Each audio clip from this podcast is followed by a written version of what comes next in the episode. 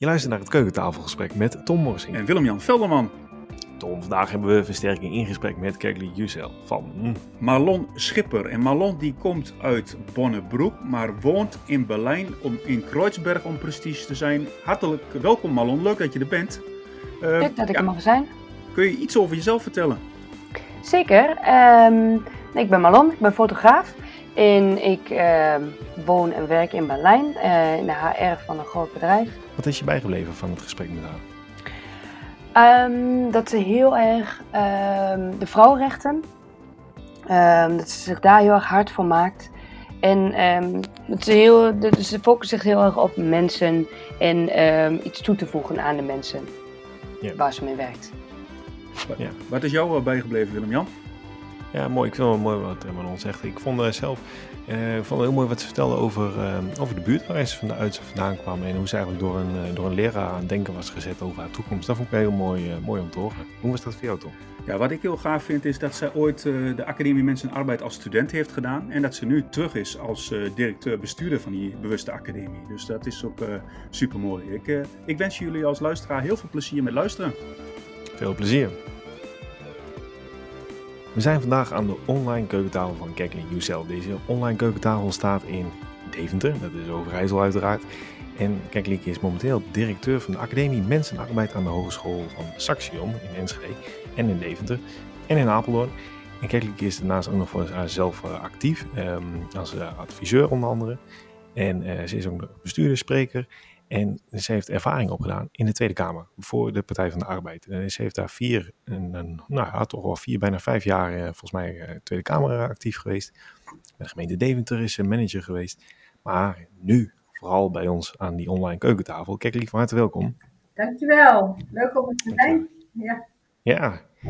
Ja, weet je, wij wij vragen ons natuurlijk altijd af in deze podcast, wie is nou de mens achter de bestuurder? En eh, dat roept ook wel een beetje op de vraag op van, wat brengt het jou nou, ehm, ja, het, vak van directeur, bestuurder, wat brengt dat jou nou? Ik word lekker uitgedaagd en eh, ik heb het gevoel dat ik eh, impact kan maken op onderdelen die ik belangrijk vind. Dat is hoe ga je, eh, hoe zorg je dat een organisatie zo in elkaar zit dat, dat het een goede werkplek is voor collega's, als dat je de goede dingen doet voor de doelgroep waar je voor aan het werk bent. En in dit geval is het natuurlijk heel erg de student en onze regio, het werkveld. Eh, we kunnen maatschappelijk eh, ja, eh, impact maken. Individueel de studentenbagage meegeven, waarmee ze mooie professionals worden. die onze toekomst, ja, die, daarmee kunnen ze onze toekomst vormen. Maar ook ja, in de regio een bijdrage leveren met de kennis die we ontwikkelen. En Ja, want is, ja, dat eigenlijk, dat, dat Ja. sturen en dat, dat ja, richting geven en ruimte geven daarin, ja, met alles en iedereen eh, waar je mee werkt, eh, ja, dat is wel eh, mooi om te doen, om die juiste balans daar steeds in te vinden.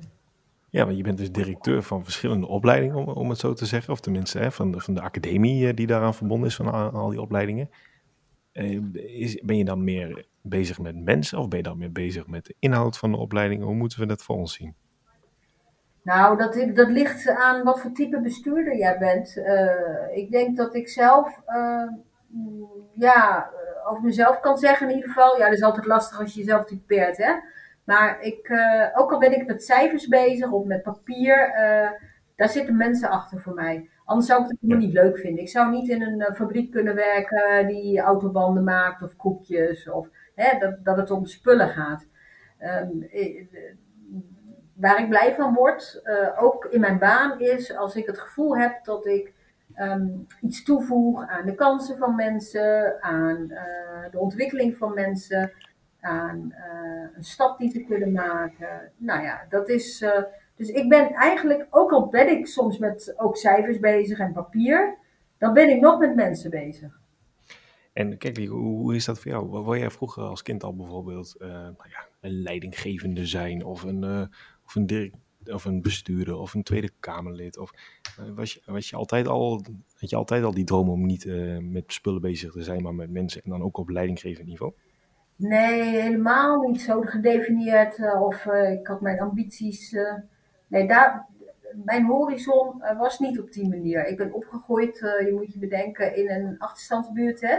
Dus dan had je al weinig voorbeelden van wat je allemaal zou kunnen worden. Dus voor mij was het zeker niet heel ruim daarover nadenken. Maar wat ik wel had als kind, op basisschoolleeftijd, wilde ik juf worden. Misschien heel standaard, maar uh, ik wilde juf worden. Later in het voortgezet onderwijs dacht ik, goh, ik wil wel bij een bank werken. Maar ik zag wel dan dat ik dan ook echt, uh, ja, werk was niet iets wat, wat ik erbij deed, maar gewoon bij de bank werken en daar wel succesvol zijn, zoiets. Dus dat ik met mijn loopbaan heel serieus aan de gang wilde, dat zat er wel in, gevoelsmatig.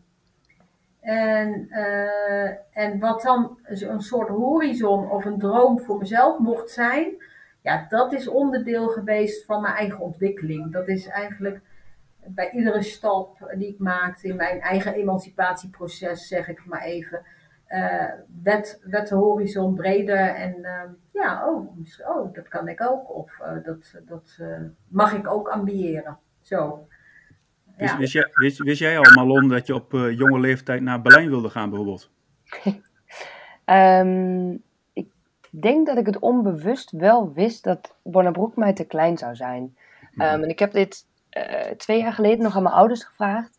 En die hebben er toen uh, ook toegezegd dat ze al wisten toen ik als klein meisje dat ik op den duur dat het mij daar te klein zou zijn.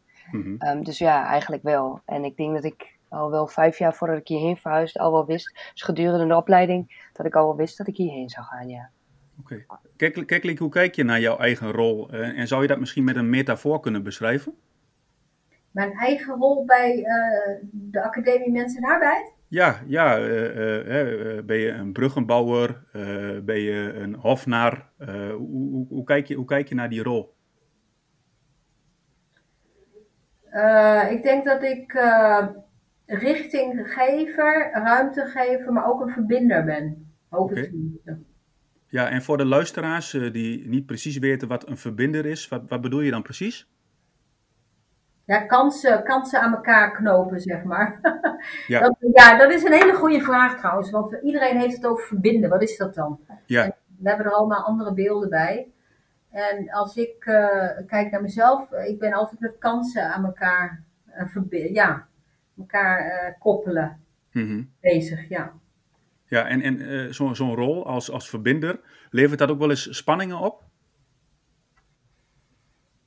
Uh, spanningen, ja, tuurlijk. Want kijk, ik ben heel erg ontwikkelgericht. Mm-hmm. En, um, en heel veel gaat natuurlijk ook gewoon hartstikke goed. Mm-hmm. En als je dan een stap vooruit wil maken of iets anders wil doen of iets anders uit wil proberen, kan dat ook snel beleefd worden als, oh, deden we het dan niet goed of zo. Ja. En dat staat er voor mij altijd los van. Dat wat goed is, wil ik juist bouwen. Ik wil juist voortbouwen. Hè? Mm-hmm. Dus dat kan, dus dat is ook, nou dat hoort ook bij, de, bij je rol als directeur natuurlijk, om, dat zit in je leiderschap, om dan uh, mensen daarin ook goed mee te nemen. Ja.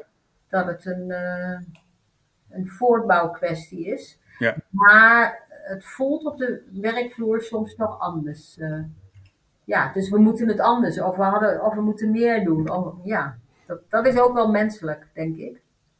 Zijn, die rol, zijn die rollen ook wel eens conflict, conflicterend? Of? De werkvloer en de directeur? Nou ja, je, je noemde net een aantal uh, voorbeelden van metaforen, hè, hoe je naar jouw rol kunt kijken. Ja.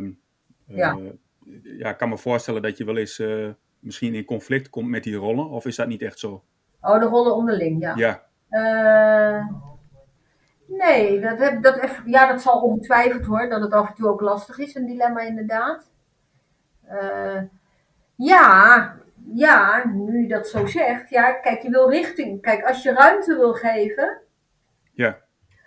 Uh, als je dat heel strak doortrekt, dan zou je dus geen richting moeten geven. Mm -hmm. Maar uh, ja, mensen kunnen ruimte pakken als ze ook een richting hebben. Ja, dat, dat, dat weet je, ja. Maar, ja, beleeft iedereen dat dan ook zo? En uh, ja, hoe doe je dat dan? En hoe communiceer je daarover? Wat bedoel je daarmee? Hmm. In de uitvoering, in de invulling, uh, kan het conflicterend be beleefd worden of ook gehanteerd worden natuurlijk. Dat je het ja. zo niet altijd even handig aanpakt kan.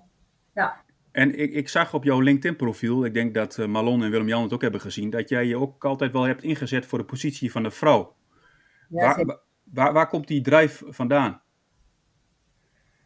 Nou, die drijf komt, uh, drijf komt van, um, die is gegeven in het feit, zeg maar, uh, die heeft zijn oorsprong in um, dat ik, ja, ik ben in ik ben in Turkije geboren en ik ben hier in een achterstandsbuurt opgegroeid. Ik was de ander. Mhm. Niet altijd in negatieve zin, maar ik was wel minderheid.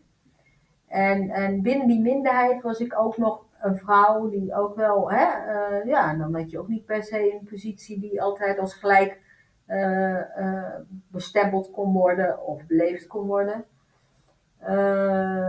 en doordat ik um, zag dat juist zeker de jaren 70 en 80, hè, uh, ademde uh, heel Nederland eigenlijk uh, verheffing, emancipatie, vooruitgang, vrijheid, blijheid, gelijkwaardigheid. Die periode, daar heb ik me heel erg aan opgetrokken en daardoor heb ik mezelf kunnen ontwikkelen. En, en daardoor kon ik ook ja, mijn eigen talenten, ook mogelijkheden ook veel beter um, inzetten, ook voor de samenleving. En uh, heb ik mijn eigen keuzes kunnen maken, mijn eigen vrijheid. En dus ik ken die waarden zo goed van. Tenminste, dat heb ik doorleefd. En dus mm ik probeer dat ook gewoon voor alle. Uh, als het om vrouwenrechten gaat, waar dat nog niet op orde is, of andere minderheidsgroepen, als mensen ongelijk worden behandeld of onvrij zijn, dan is dat voor mij een vanzelfsprekendheid om daarvoor in de bres uh, te springen. Ja. Dat komt door dat ik dat zelf heb ervaren. Hoe groot, uh, het, uh, wat, wat, wat, uh, hoe zeg je dat? wat de waarde ervan is als, je, als die gelijkwaardigheid er wel is. Wat voor verschil dat in je leven kan maken, maar ook in samenlevingen. Ja. Oh, maar Marlon, hoe kijk jij tegen deze waarden aan?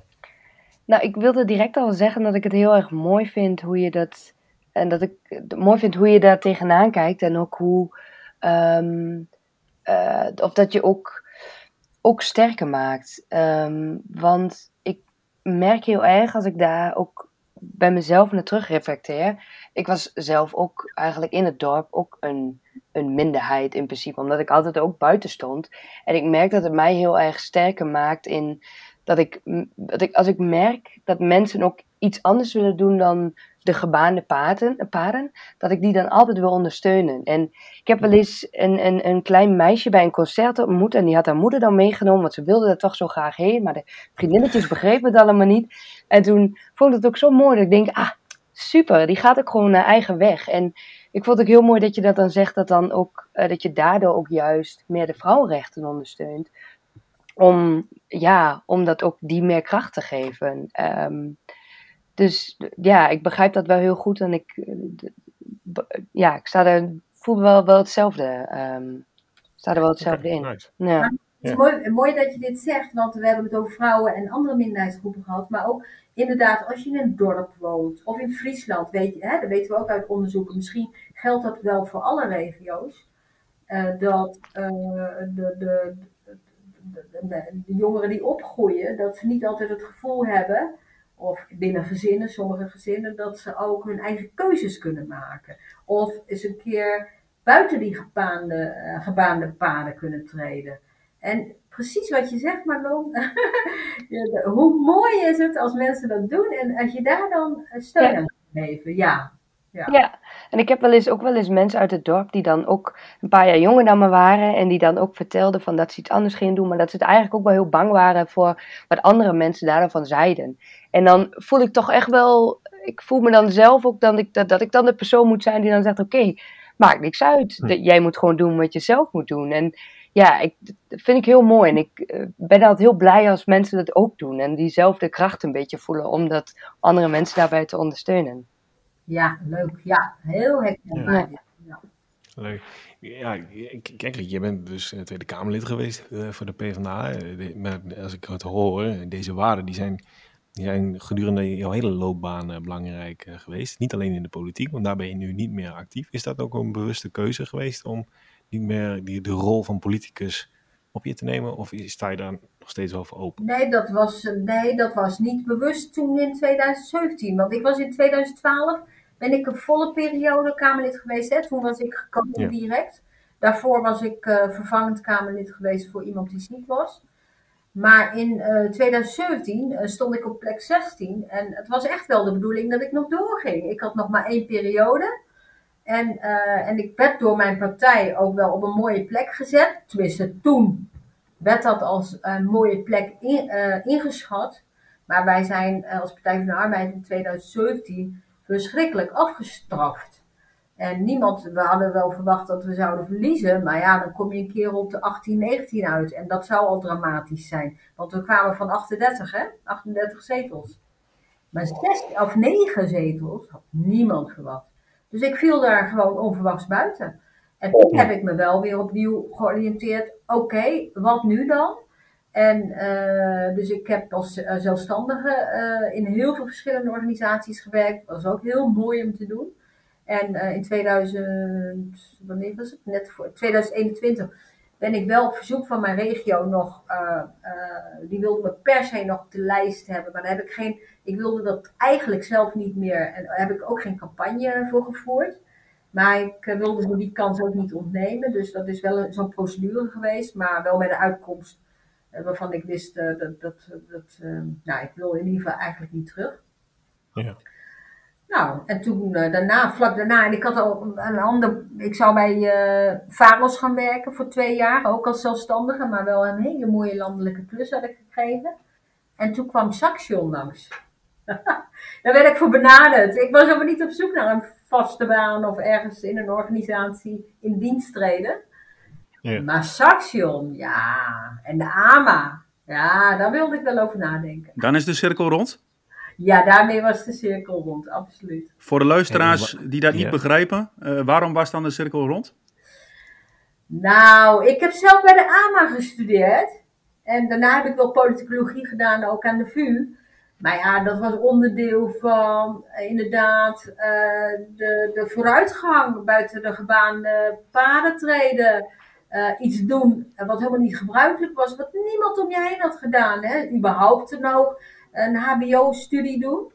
En, en al helemaal niet, terwijl je daar hele jonge kinderen had. En uh, naast een gezin. Uh, dus dat was, ja, dat was vanuit het vrouwenrechtenperspectief, zeg maar, wel ja, iets wat ik gewoon, dat was een daad. En, en, en, en de AMA is zo belangrijk geweest in mijn ontwikkeling en ook daarna. Uh, dat ik altijd daarna ook dit heb terug willen geven in alles wat ik deed. Hè? Ook de kansen van anderen vergroten. En uh, die stap vooruit maatschappelijk, maar ook voor de mensen steeds proberen aan te jagen. Maar hoe mooi is het als je dat dan ook uh, als directeur weer bij diezelfde opleiding kan doen, waar het ook voor een deel bij begon, hè? Ja, ja, ja. ja. Want je zegt net van je, je wil zelf graag belangrijk uh, voor, voor, voor, anderen zijn. Uh, of als in voor hen wat betekenen. De opleiding heeft voor jou veel betekend. De cirkel is daar nu mee mooi rond. Maar we zijn wel benieuwd, wie zijn naast de opleiding, wie zijn nog meer belangrijk geweest voor Kekli Jusel? Want je vertelde net, je hebt net twee keer al benoemd van ik kom uit een achterstandsbeurt. Ik ben heel, van heel ver daaruit gekomen. Wie zijn daar voor jou allemaal belangrijk geweest? Ja, ik, uh, nou, een, een heel bepaald moment was, uh, ik, was uh, wij, ik, ik, groeide ook op als, samen met mijn zus als een soort mantelzorger. dat klinkt heftig, was ook heftig, maar ik heb het niet als heftig ervaren in die zin dat ik gelukkig daar over heb gehouden dat ik denk dat ik daar sterker door geworden ben en rijker en een, een stevigere bagage, zeg maar. Maar mijn ouders waren allebei ziek. En dat betekent dus ook dat ik met, uh, ook zeker omdat mijn moeder de taal niet zo heel goed beheerste, of als het een spannend gesprek was in het ziekenhuis, dat wij dan uh, toch ook wel extra mee moesten. Uh, mijn moeder was terminaal en we gingen naar de internist, dokter Vermeer. En ik was nog met mijn MEO bezig. Wel examenperiode, het was maart. Mijn moeder overleed 17 of 27 mei toen, in 88. Uh, in de week dat uh, Nederland ook Europees kampioen werd met Gullit en Van Basten erin. Die periode kennen jullie misschien nog. Toen was mijn moeder net overleden. Uh, toen ehm, in maart, dus ik moest voor mijn examens leren. En, en mijn moeder vertelde daar heel trots aan dokter Vermeer. Mijn dochter is bijna klaar. Ze, is, ze heeft straks haar diploma. En toen draaide dokter Vermeer zich om en uh, gaf mij een hand. Nou, dan alvast gefeliciteerd. En uh, uh, welke diploma heb je dan? Nou, BAO. Oké, okay, gefeliciteerd, hartstikke mooi. En, wat ga je studeren? zei hij. Ja, dat was dus, dat was eigenlijk misschien wel het change moment in mijn leven. Dat ik zag en ik was ook zo opgegroeid. Daarom bedoelde ik ook met, wat dat bedoelde ik de horizon. Ja, ja, voor ons was het klaar, was het geslaagd, was het mooi. De vlag kon uit, die kan natuurlijk ook uit. En een MBO-diploma is prachtig en ik doe daar niks aan af. Maar de keuze hebben om, of in ieder geval over nadenken, heb ik de ambitie om door te gaan? En daar ook een keuze in hebben. Ja, dat was geen optie in onze wereld. Okay, het was wel een optie in zijn wereld. Want het was voor hem zelfs een automatisme. Dat je ging studeren. Nou, daar viel mijn kwartje. Oké. Oh, dus ik mag er ook over nadenken. Uh, dat ik ook de keuze heb om door te gaan. Nou, dat was eigenlijk het belangrijkste moment in mijn leven. Zo zijn er paar geweest, maar deze Mooi, ja. misschien wel uh, goed genoeg. Ja, ja, ja, dan is het extra mooi dat inderdaad de cirkel ook uh, wat dat betreft rond is. Dat je nu bij de AMA-directeur bent. Um, ja, wat kun je daarover vertellen? Hoe ziet een werkweek eruit uh, als directeur, directeur van de AMA? We hebben veel gesproken natuurlijk met wethouders, raadsleden en burgemeesters. Die hebben allemaal een beetje vaste structuur. Maandag met ambtenaren praten, dinsdag met de wethouders en de burgemeesters en daarna allemaal bedrijfsbezoeken. Maar hoe ziet dat eruit voor een directeur van de AMA? Uh, mijn werkweek, ja. Uh, mijn werkweek uh, begint met een, weekstart. dat ik samen met mijn collega's uh, in mijn managementteam, heb ik managers zitten, twee. En met adviseurs vanuit de bedrijfsvoering, dus de docentenkant, maar ook vanuit de HRM-kant. we hebben ook diensten bij, de, bij, de, bij Saxion natuurlijk. Kijken van wat speelt er allemaal en wat loopt en nou, wat, wat moeten we oppakken of waar is aandacht voor nodig. Dat proberen we zo kort mogelijk te houden. En daarna heb ik uh, werkoverleggen en ik heb uh, met individueel met mensen die ik rechtstreeks aanstuur.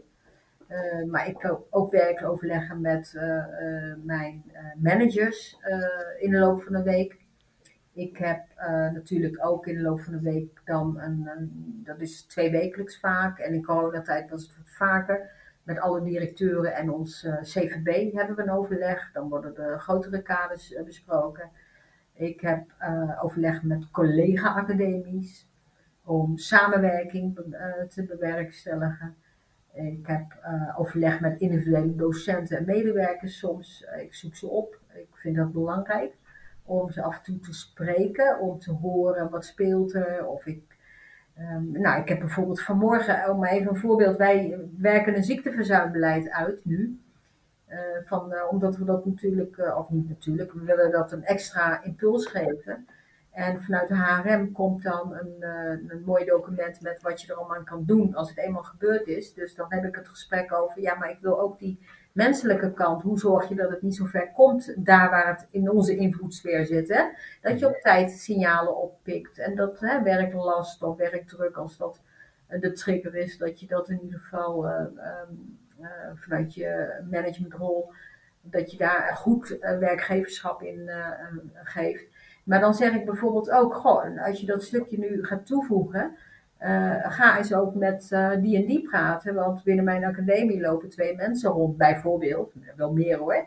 Maar dan heb ik twee voorbeelden gegeven van namen. En dat is hun vak, dat doseren ze. Haal dat eens op bij ze van, goh, hoe kijken jullie daar tegenaan? Dus ik probeer ook uh, in de advies, in beleidsvorming, ja, dat is dan dat verbinden, de, de kansen die ik wil creëren om nog beter ziekteverzuimbeleid te voeren. Uh, te verbinden met ook de deskundigheid die bij mijn eigen mensen er is, ook goed te laten benutten.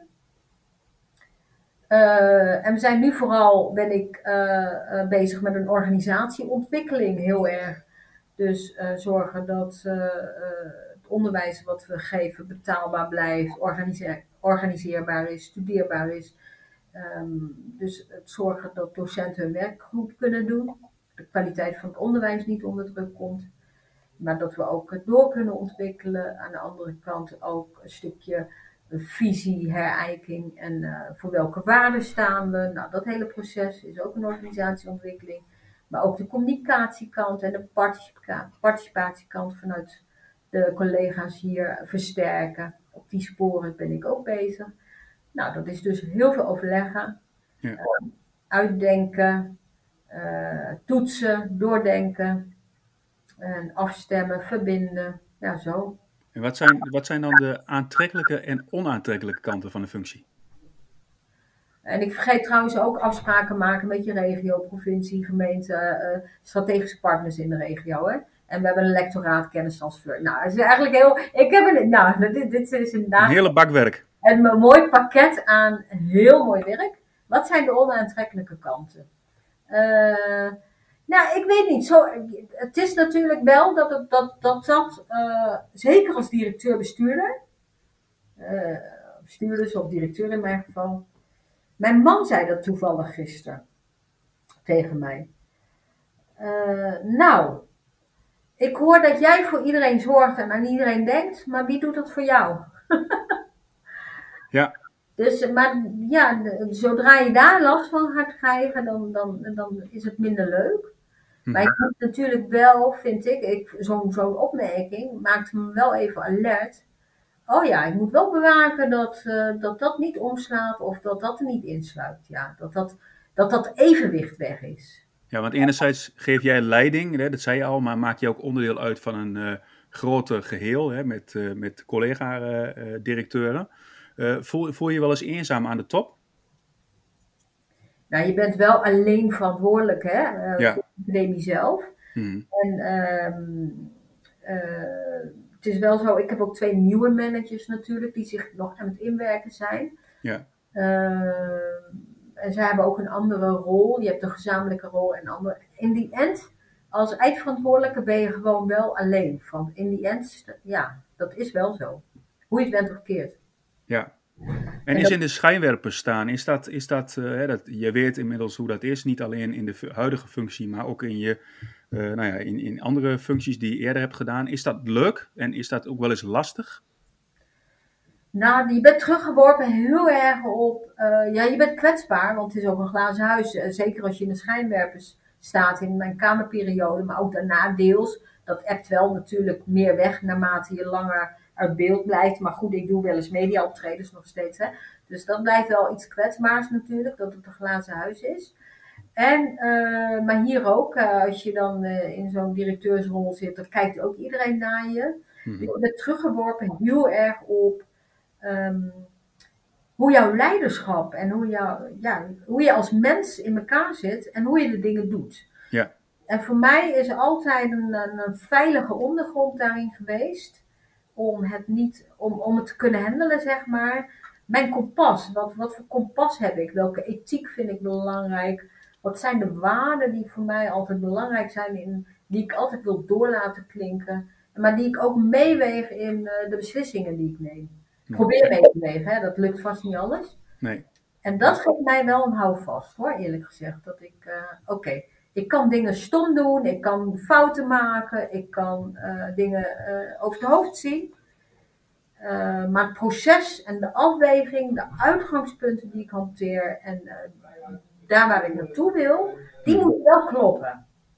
Wat, wat, wat roept dit bij jou op, Marlon, als je dit zo hoort van Keklik over, over haar werkweek of over de aantrekkelijke kanten en over in de schijnwerpers staan? Verschillende dingen. Um, wat ik, um, ik vind het sowieso heel in, interessant om te horen. En ook hoe je daar, hoe je daar zelf tegenaan kijkt. Ook het, het kwetsbare, kwetsbare punt. Um, omdat niet iedereen. Ik heb wel eens het gevoel van oké, uh, dat, dat, dat, dat in de schijnwerken staan, dat dat komt voor mezelf ook nog wel eens, um, wel eens langs. Um, maar dan op een kleinere schaal, wat natuurlijk um, op zich uh, leuk is. Maar wat ik, uh, waar ik ook heel erg aan moest denken, ook toen je vertelde over dat je ehm, met, graag met mensen werkt en er graag wat aan wil toevoegen bij de mensen, ehm, hoe je dat dan hoe je dat doet en hoe je dat of, of er een manier is waarop je dat ook nog kunt meten. Omdat mensen zijn, iedereen is, is verschillend. en het is natuurlijk heel lastig om te meten, want we zijn ook, bij mij in het bedrijf zijn we heel gaan kijken hoe kunnen we de cultuur um, in het bedrijf veranderen. Dat iedereen eigenlijk meer tevreden is.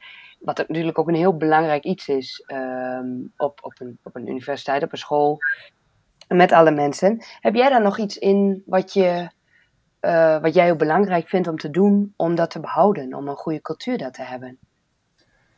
Ja, dit is, dit is de vraag hè, voor iedere directeur, denk ik ook. En zeker de academie waarbinnen ik werk nu, is mm -hmm. ik aangetroffen in een toestand dat er, dat, dat, uh, er heel veel aan de hand was. Ja. Zowel op, uh, op uh, organisatiestructuurkant als op cultuur. En daar werken we nu aan in de organisatieontwikkeling. En, ehm, ja, het begint bij het gesprek aangaan over wat vinden we belangrijk dan aan waarden. Wat, wat, wat, wat, zijn onze waarden, wat kenmerkt ons, of wat vinden we belangrijk om, om, om, om te versterken of hoog te houden? En, maar hoe, wat, hoe laden we dat dan? En ja. wat betekent dat dan voor ons? En, en hoe, hoe, hoe onderhouden we dat dan? En hoe zijn we daar aanspreekbaar op dan? En als het lastig wordt en als het schuurt, uh, is het dan veilig en open om een gesprek daarover te voeren? En hoe doe je dat? Ja, dat proces dat is iets wat ik nu aan het opstarten ben. En uh, waar dat is een kwestie van jaren, is mijn uh, idee. Dat heb je niet van de ene dag op de andere dag opgelost. Een cultuur slijt erin. En als je iets wil ombouwen, ja, dan gaat het ook heel langzaam. Maar het begint ook bij voorbeeldgedrag natuurlijk. Hè, van uh, degene die aan het roer staan. Die moet leidinggevende, management moet wel dat voorbeeldgedrag ook laten zien. En heb je daar ook um, uh, ervaringen die je in vorige posities, um, die je in vorige posities hebt, um, ervaringen die je daar hebt opgedaan, die, waarvan je denkt, oké, okay, misschien dat ik, dat, dat heeft op dat moment heel geholpen, wat je dan nu ook weer kunt gebruiken? Of is, of is dat veel te specifiek? Nee hoor, nee, ik heb toevallig bij de gemeente Deventer hebben we ook zo'n eigenlijk bijna een soort gelijk, maar iedere situatie is anders. Maar bij de gemeente Deventer hadden we ook een, dat we van een informele organisatie naar een meer formele structuur wilden. Mm -hmm. uh, en ook uh, de, de, aansluiting uh, voor wat we aan het doen zijn, onze missie beter wilden hebben. En nou ja, heldere bevoegdheden, taken, rollen. Nou, ik zal je niet vermoeien met alle details. Maar dat was toen ook wel vergelijkbaar. Ik was toen vicevoorzitter in de ondernemingsraad. En ik was leidinggevende en ik zat ook in een groep changemakers, heette, heette dat. Ze hadden bij, bij de gemeente Deventer 30 ambtenaren aangewezen, uitgekozen om uh, ja, ook die voortrekkersrol in die cultuurverandering ook te bewerkstelligen. En daar werden we ook goed in ondersteund daar en, en begeleid. Dat werkte daar goed. En ik heb twee jaar geleden, geloof ik, drie jaar geleden, met de gemeentesecretaris nu bij de gemeente Deventer, daar is ook teruggekeken. Van, goh, hè, ik ging daarna naar de Kamer toe en hoe is dat gegaan met de cultuurverandering die we wilden bewerkstelligen. Um, toen zei hij van, ja, dat is echt, dat heeft wel vier, vijf jaar in beslag genomen. Uh, dat is hard werken. Dat, dat is niet van ja. de op de, dus op de agenda houden. hoe kijk je naar je eigen functioneren? Um, als in, hoe hou je dat zelf in de gaten? Als het gaat om bijvoorbeeld veranderingen die je graag wilt doormaken. Als het gaat om uh, nou, de koers die je met, uh, met Saxion bijvoorbeeld wil inzetten. Ja. Of hoe deed je dat in je tijd als, als, raads, of, eh, sorry, als Tweede Kamerlid? Hoe hou je dat voor jezelf in de gaten? Of je, ja, hoe je zelf functioneert? Ja, dus, ja, misschien is dit wel de vraag natuurlijk voor directeuren. Je moet zorgen dat, uh, of überhaupt alle bestuur, bestuurders, hoe ik dat voor mezelf doe, is dat ik altijd mijn kritische reflectie probeer, probeer op te halen. Maar dat doe ik bij mensen waarvan ik weet, die kunnen eerlijk zijn en echt een eerlijke spiegel ook houden. Nou, dat is thuis mijn man, hè, die, die is altijd super eerlijk, kritisch, maar super eerlijk ook. Dus dan weet ik gewoon, dat klopt. Als het niet goed is, zegt hij het ook. het is niet goed hoe je dat hebt aangepakt. En dus dat, is zo'n privé, hè, een persoonlijke adviseur die je dan lekker thuis hebt. Maar ehm, hier ook probeer ik het ook soms bij collega's of bij. ehm, nou, ik heb het ook wel eens bij een docent eh, dat ik zeg, nou, eh, vertel eens even, doe even andersom. Wa- Wat, eh, hoe, hè, wat zou je me terug willen geven? En voel je daar veilig in? En dan krijg ik ook hopelijk zoveel mogelijk eerlijke antwoorden op. Ja. Ehm, of met collega-directeuren vraag ik ook wel eens, goh, hè, nu, nu noem je allemaal dingen waar je van onder de indruk bent, maar heb je ook eh, dingen dat je denkt, oh, misschien zou je daar eens op letten, of dit is misschien iets waar je verder in kan ontwikkelen.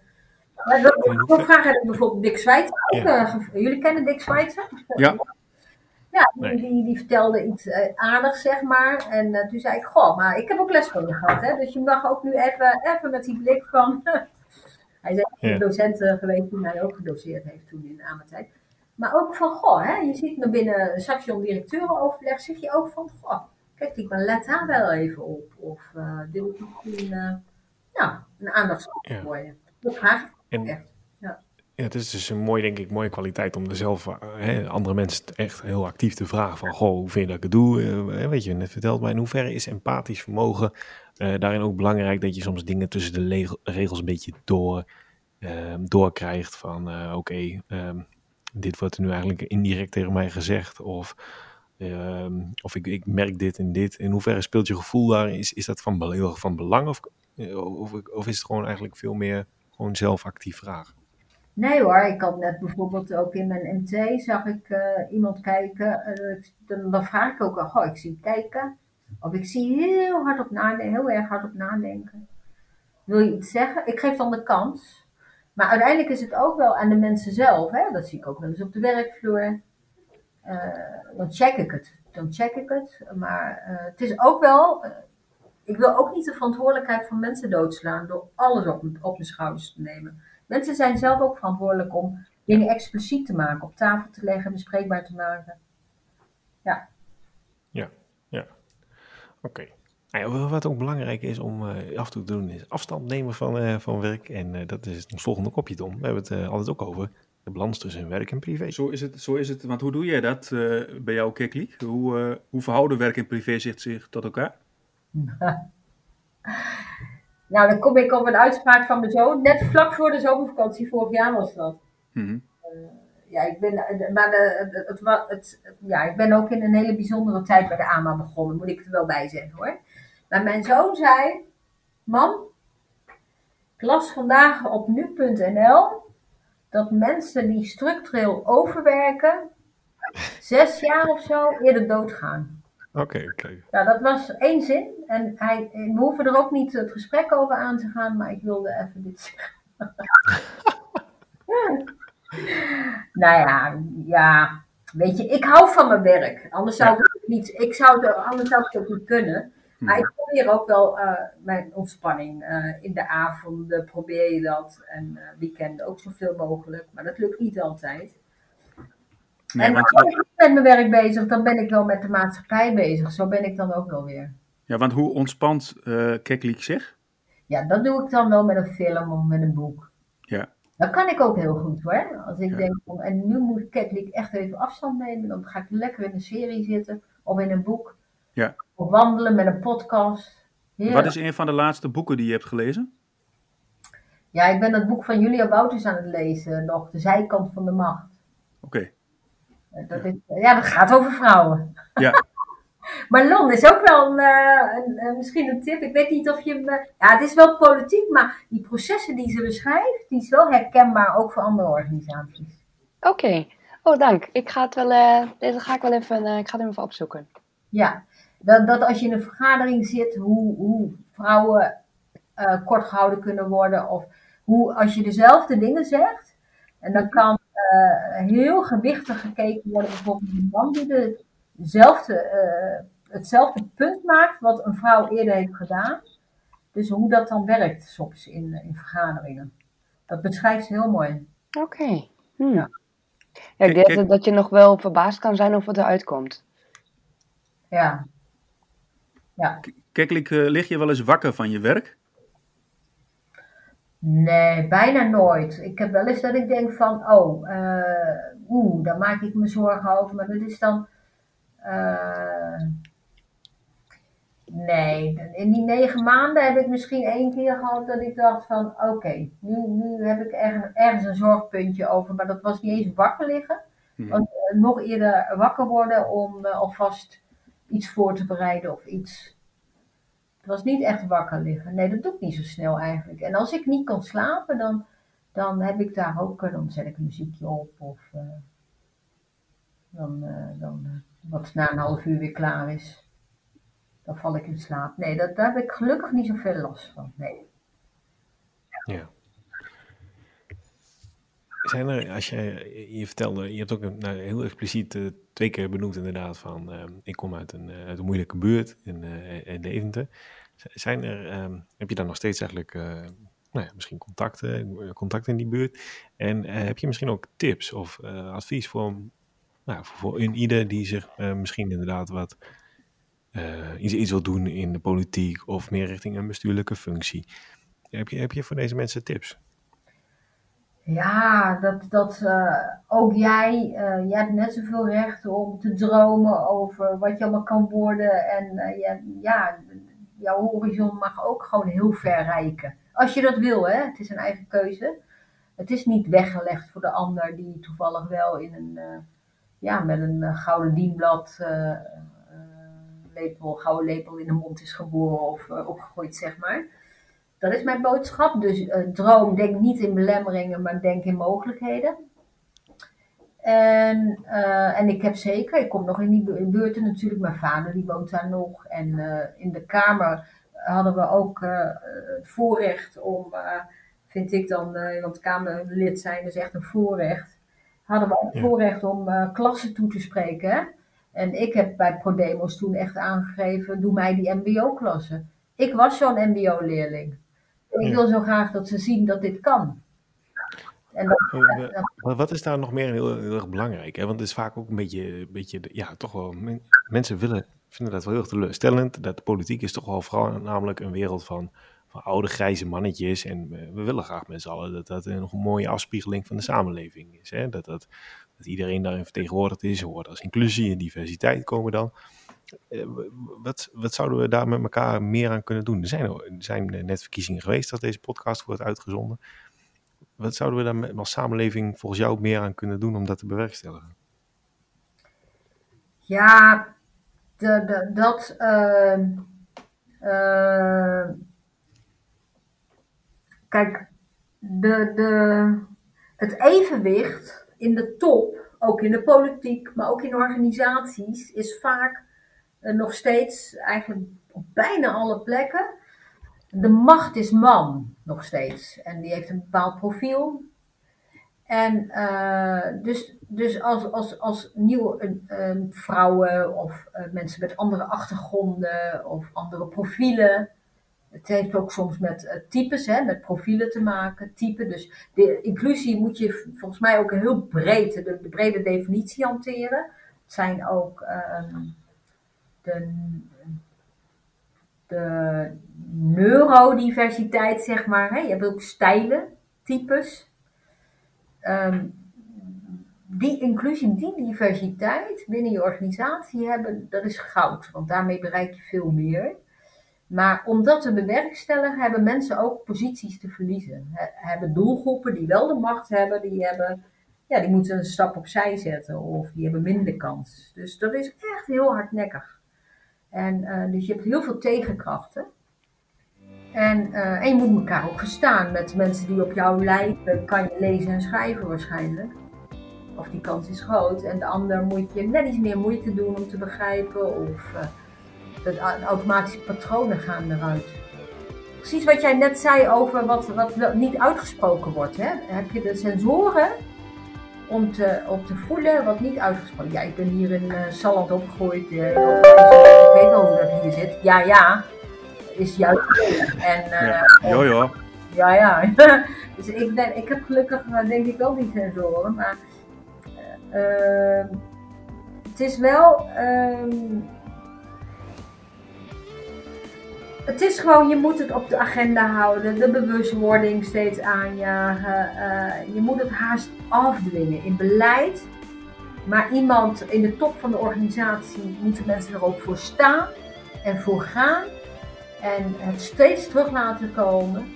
En uh, dat is ook een cultuurding eigenlijk, hè? dat op jaren. Maar je moet het wel serieus nemen, beleid opmaken. Maar het staat of valt met de bezieling rond dat thema in de top. Mijn naam is Marlon Schipper. Je hebt net geluisterd naar het keukentafelgesprek. Um, ik hoop dat je nog wat mooie boodschap ervan mee kunt nemen. En um, om dit af te sluiten zou ik je daar um, op willen wijzen om eens rond te kijken in de straten, bij een, in, in wijde omgeving, of je een mooie dictie ziet en daar even extra van te genieten. En dan aan mij te denken.